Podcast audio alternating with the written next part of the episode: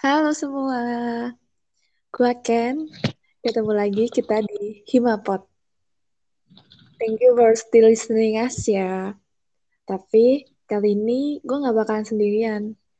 Gue bakal ditemenin sama temen gue yang bakal bawain podcast ini sebagai podcast perdananya dia.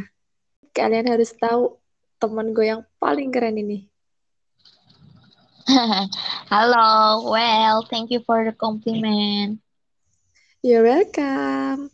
Kenalan dulu yuk. Oke, mungkin kalian belum tahu gue ya. Gue perkenalan singkat aja nih. Kenalin, gue Rika, mahasiswa Ilkom yang seangkatan juga sama Ken nih. Nah, di sini gue juga baru pertama kali podcast berdua bareng Ken. Asik.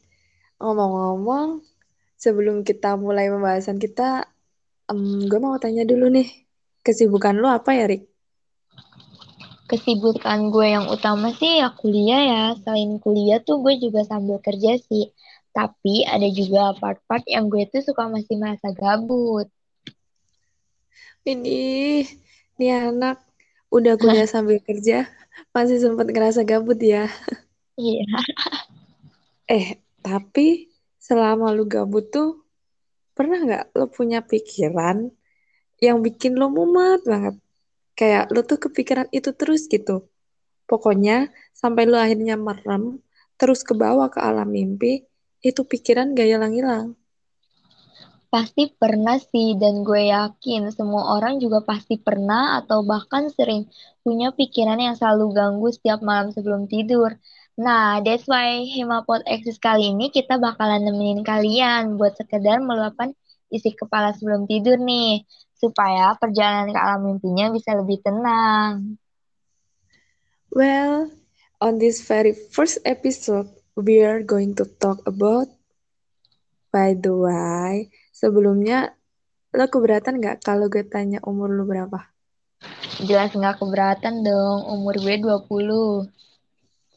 Wah, seumuran dong kita. Pas banget nih sama topik yang bakal kita bahas malam kali ini. Di umur kita yang udah mulai menginjak kepala dua, pasti lo nggak asing dong sama yang namanya quarter life crisis. Iya, jelas lah. Itu tuh emang udah fase wajib yang pasti semua orang alamin. Dan juga sebagai penanda kalau kita nih udah melangkah ke jenjang usia yang lebih dewasa. Bener banget. Usia 18 sampai 25 tuh emang normal banget kalau ngalamin yang namanya fase ini gak sih? Ya sebenarnya gak cuma sampai 25 aja sih. Soalnya setiap orang pasti beda kan kapan ngalaminnya. Yang jelas, our 20s and early 30s are thought to be the best time of our life. Waktu yang secara umum kita pakai buat explore setiap kesempatan yang bisa kita milikin. Nah, dalam proses mengeksplor itu semua, udah pasti banget nih. Kita selalu ngalamin yang namanya questioning about what are we doing. Gak yakin dengan apa yang kita lakukan. Selalu ngebandingin diri kita sama orang lain. Yang akhirnya berujung jadi pressure buat diri kita sendiri. To keep up with others. Makanya selama proses itu, pasti kita ngerasa anxiety parah.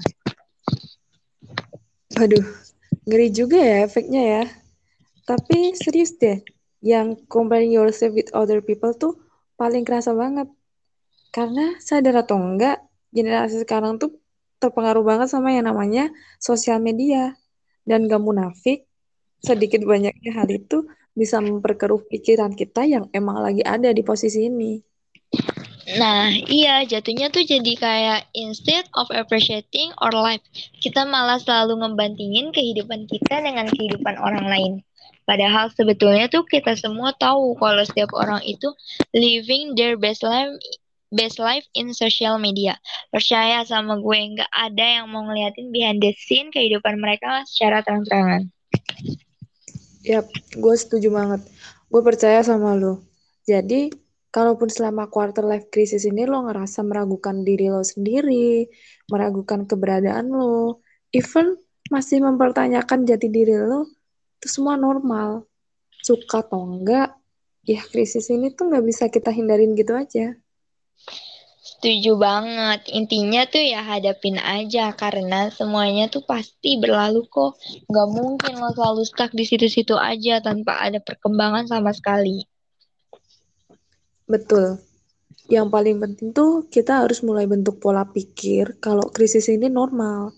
Anggap aja kalau masa-masa berat ini ya adalah proses transisi yang wajar ketika kita menginjak usia yang lebih matang lagi. You will get through it kok. Yes, and stop comparing your life with others because we have our own pace. Standar hidup orang juga juga beda-beda kok. Kita nggak bisa maksain diri kita buat fit di standar itu.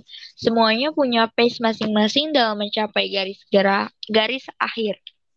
So, take it easy and enjoy the process. Kalau emang sosial media itu berpengaruh buat lo, ya enggak ada salahnya juga dong untuk puasa dulu sebentar sampai lo ngerasa baikan lakuin hal lain yang bikin rasa lo senang atau yang bisa ngehibur lo.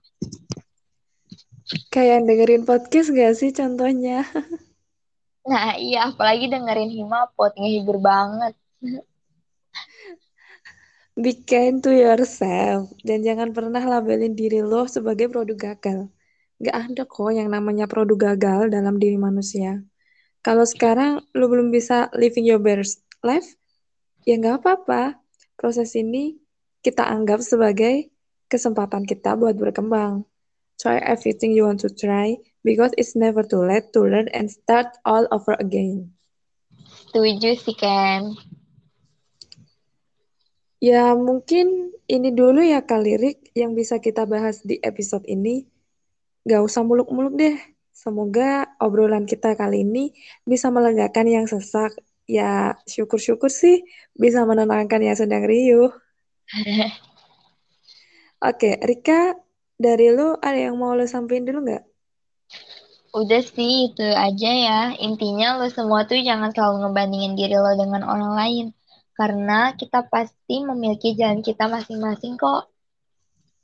Tuh dengerin Rika. So, in this end of the episode, sekali lagi, makasih udah mau dengerin kita. Ya, gue sama Rika sih berharapnya kita semua selalu baik-baik saja.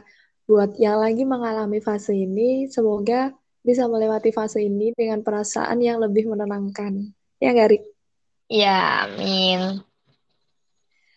Well, thank you, I guess, for listening us. Um, see you. See you, bye. Thank you. Bye. Okay.